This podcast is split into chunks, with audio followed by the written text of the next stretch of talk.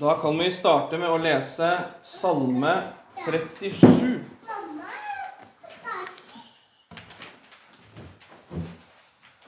De som har med, kan slå opp Salme 37.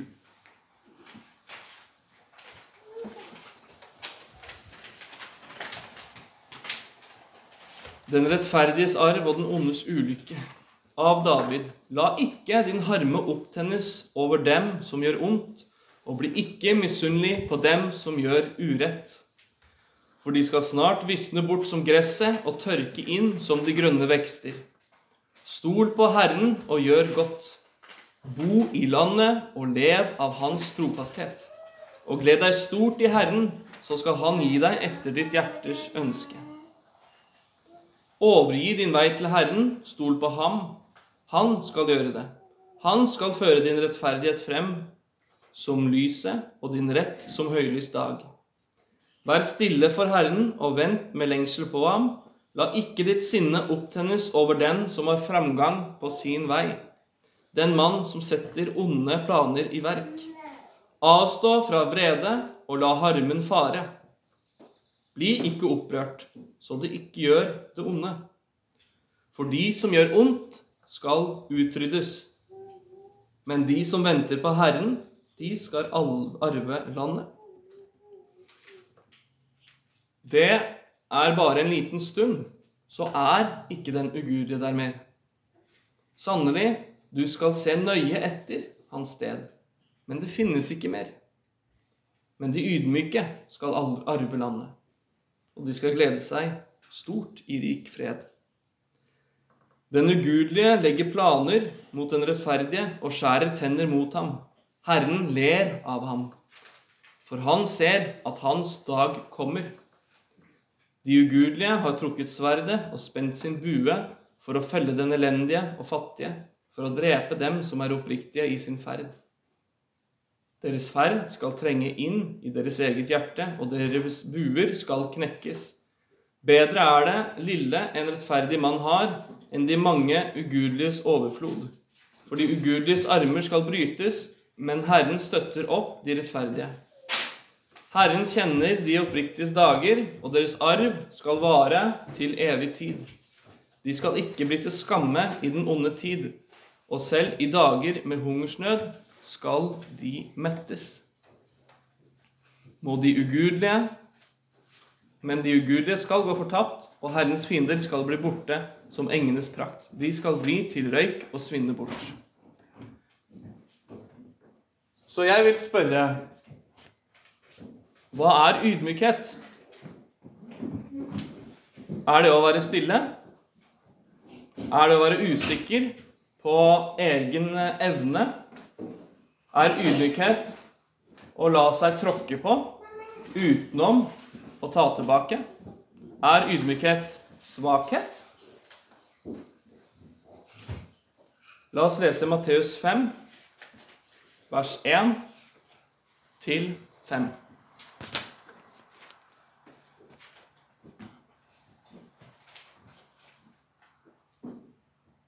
Da han så folkemengdene, gikk han opp i fjellet, og da han hadde satt seg, kom disiplene til ham. Han åpnet sin munn for å tale, lærte dem og sa:" Salige er de fattige i ånden, for himmelens rike er deres. Salige er de som sørger, for de skal bli trøstet. Salige er de ydmyke, for de skal arve jorden. I Salme 37 så leste vi akkurat litt om det ydmyke. Og nå, i Matteus, så er det et ekko Jesus sier i bergprekenen, når han sier 'Salige er de ydmyke, for de skal arve jorda'. I, I talen så er det to punkt som går litt inn i hverandre. Det er to punkter jeg vil at vi skal ha i bakhuet hele tida. Og punkt én det er da hva er ydmykhet ansett som i dag? Og hva, nummer to, hva er bibelsk ydmykhet? Det er nemlig ikke akkurat det samme. Ordboka, den sier Den har følgende definisjon. Vesen som i væremåte, handling eller opptreden, har, tilkjennegir små tanker om seg sjøl. Regner seg sjøl som ubetydelig, lite håndmodig, utilstrekkelig, eventuelt syndefull og svak. Mange er enig i definisjonen her. Deler av det er jeg for så vidt enig i, men andre deler er jeg veldig uenig i. Ydmykhet er ikke det som du tenker om en som er en uh, tydelig leder, men det er heller en du tenker på som sitter skolerett og hører etter.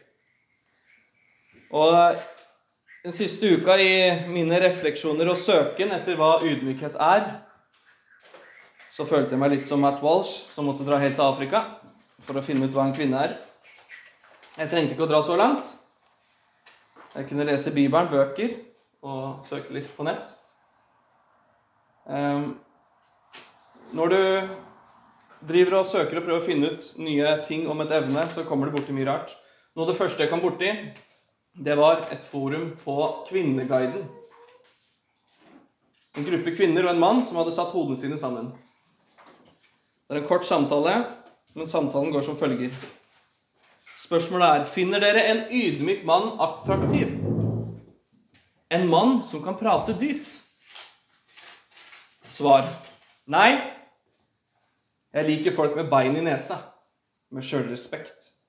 Å være kronisk ydmyk er det samme som å være ryggløs. Kvinner de liker ikke ydmyke menn. De setter pris på konfrontasjon. Det var et annet svar. Et fjerde svar ydmykhet er å kunne se egne feil og brister. Et femte svar ydmykhet er evnen til å se ting fra andres perspektiv. Så i praksis er det fem stykker her som diskuterer et ord som ingen av dem forstår. For det er fem forskjellige inntrykk av hva ordet faktisk betyr. Så samtalen i seg sjøl er poengløs. Det er ofte viktig for oss å definere begrep når vi snakker med andre. Hvis ikke så kan det bli vanskelig å kommunisere. Av den mer skolerte sorten så har vi en mann som het Fredrik Nietzsche.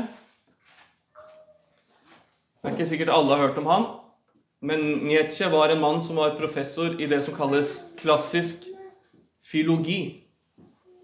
Så det er studiet av gresk og latin. I ettertid så har Nietzsche vært mest kjent som filosof. Du kjenner kanskje til uttrykket 'Gud er død'. Det er antageligvis det mest gjengitte sitatet Nietzsche hadde. En mann som var professor i faget gresk, veldig intelligent.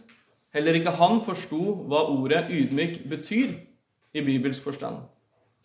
Også få verdenssyn har hatt så dårlig innflytelse på verden som den nihilismen Nietzsche sto for. Og hva er nihilisme? Nihilisme er flere ting, men det er en form for opprør mot verdier og moral.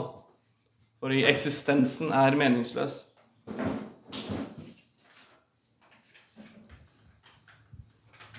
Konseptet hans som var eh, Nå kan ikke jeg tysk. Obermensch også ubermenneske. Altså supermann. Ikke supermann, men supermann eller supermenneske. Fordi da kunne du lage din egen moral, følge din egen vilje. Og det var en veldig sterk pådriver for nazismens oppvekst eller fremvekst i Tyskland. Fordi alle umennesker sto i veien for evolusjonen til det her supermennesket som Nietzsche ønska. Det skal sies at Nietzsche uttalte seg imot antisemittisme i sin tid. Men det er ukjent hvor han fikk denne eh, moralen fra. Nietzsche var veldig kritisk og negativ til kristendommen av veldig mange grunner. Spesielt fordi han mente mye av kristendommens moralske lover bremsa evolusjon. Han så Jesus sin ydmykhet som noe negativt. Noe ydmykhet var noe som holdt tilbake mennesker i hjerte og sinn. Nok en person altså, som anså ydmykhet som noe svakt og skjørt. et karaktertrekk som gjenkjennes på at du mangler mot eller ryggrad. Og det å mangle ryggrad betyr altså at du står ikke oppreist, du står ikke imot eller du står ikke for noe. Dette er et falskt, uriktig og ubibelsk syn på hva ydmykhet er. Et ord kan ikke alltid slås opp i en ordbok og gi deg en full forståelse av hva ordet betyr. Det må veldig ofte så må et ord ses på i kontekst, altså sammenhengen, for at man skal forstå hva et ord betyr. I uh, Bare finne frem her. I Bibelen så var det først og fremst to stykker som først og fremst ble assosiert med ordet ydmykhet. Kan dere tenke, barn, på hvem det kan være, uten å si det? Alt annet enn feige og svake. Den ene, det er Moses. Fjerde Mosebok 12.3 sier følgende Mannen Moses var meget ydmyk mer enn noe annet menneske på jorda. Samtidig vet vi at i andre Mosebok, kapittel 2, så Moses en egypter mishandle en annen, og deretter slo han mannen i hjel. Ydmykhet er mer en form for selvkontroll. En som visste, eller en som vet, når du skal bruke kreftene dine, og når du ikke skal bruke kreftene dine. Det følger logisk at jo mer evne du hadde til skade eller kaos, jo mer ydmykhet trengte du for å være i kontroll av det. En god mann er en ydmyk mann, og en ydmyk mann er en farlig mann. En mann som gjennom tida har lært seg å holde tungen i tøyle og bruke sine evner til det gode for de rundt seg. Altså det er styrke som kreves for sann ydmykhet. Styrke og tro. Er du usikker, er du konfliktsky, så er du ikke ydmyk. Da er du feig. På den andre sida er du modig og uredd, så kreves det veldig mye herjelse på mange områder for å kunne være ydmyk på bibelsk måte. Men jeg vil legge til at noen sier at man har en mer naturlig form for ydmykhet. Altså type sånn man er født ydmyk og født stillferdig som person. Men det er ikke det man skal tenke på når man tenker på bibelsk ydmykhet. Bibelsk ydmykhet er en gave gitt av Den hellige ånd. Det er en frukt. Om Ånden ikke gir det, er det ikke primært bibelsk ydmykhet. Det kan være mer et personlighetstrekk, altså åssen du er som person, som verken er bra eller dårlig. Men du er bare sånn naturlig. Det å ha lave tanker om seg sjøl når man snakker om bibelsk ydmykhet, er i større grad noe som vitner om tro. Og hvorfor? Jo, fordi du tar bort dine egne evner. Du tar bort alle emosjoner, også følelser, og du plasserer dem på Kristus, vel vitende om de løftene som han har gitt deg. Altså ikke tillit til deg sjøl, men tillit til han. Og vi tenker på Når vi leste Salme 37, så ser vi mange løfter som vi får. Ved at vi ikke lar oss oppildne og så blir bråsint.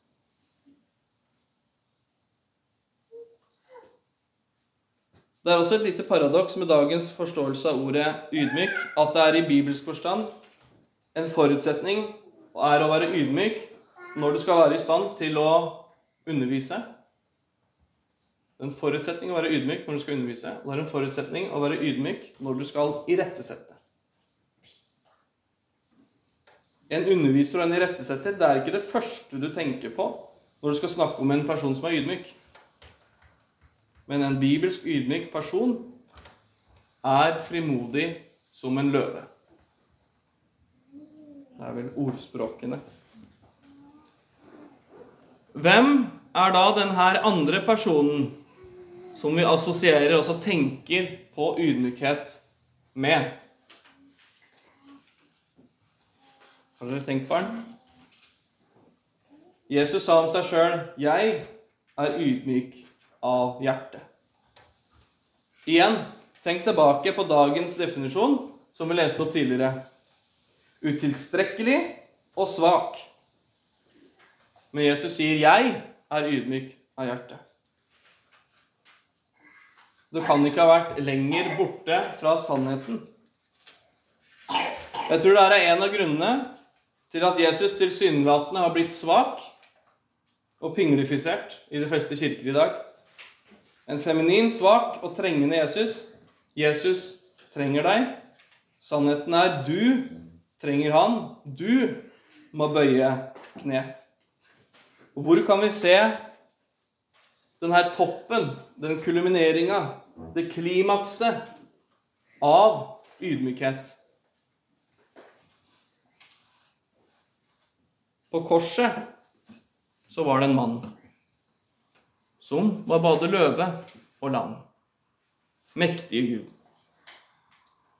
I den ondeste gjerningen noensinne begått av mennesker, så korsfesta de ham. Jesus hadde all makt all mulighet til å gjøre akkurat det han ville med de menneskene som begikk urett. Han kunne gjøre akkurat hva han ville. Allmektige Gud. Men hva gjorde han? Han avsto fra å utøve sin makt. Styrke, selvkontroll. Han overlot seg sjøl til Faderens hender. Paradokset vårt i dag er at vi, vi klarer ikke å leve opp til Guds standard. Ingen av oss klarer det. Og Paradokset er da at vi kan se tilbake på den sjølve ugjerninga som ble begått mot Jesus, og vi kan vite at vi skal ikke plassere vårt mål av tro på våre egne gjerninger og utilstrekkelighet ved oss sjøl. Vi skal plassere det på Han. Det er ikke vår prestasjon, altså det vi gjør, som er unike. Hos en kristen så er det posisjonen han har, som gjør han unik. Jeg har fem barn. Jeg har òg standarder.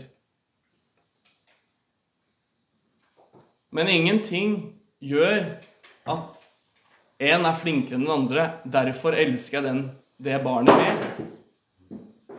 Ditto når de gjør noe ondt eller gjør noe dumt, så vil det aldri være prestasjonen til barna mine. Vi har jo for ikke lenge siden hatt en baby. Ikke sant? Og hva gjør en baby når han er liten? Han gråter, han skriker, når han er sulten, hva gjør han? Han skriker. Når han er trøtt, hva gjør han? Han skriker. Når han må på do, hva gjør han? Skriker. Så prestasjonen hans er ikke veldig god. Tenk om jeg hadde elska han pga. prestasjon. Prestasjonen hans er null. Ingenting.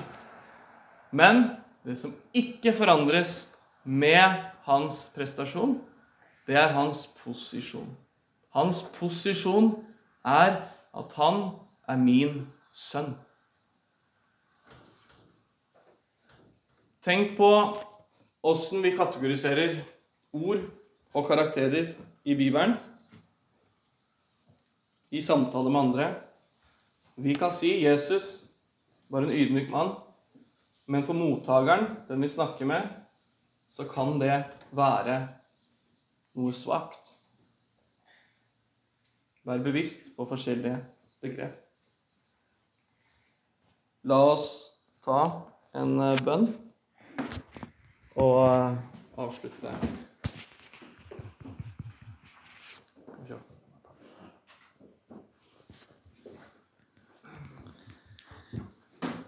Himmelske Far, vi takker deg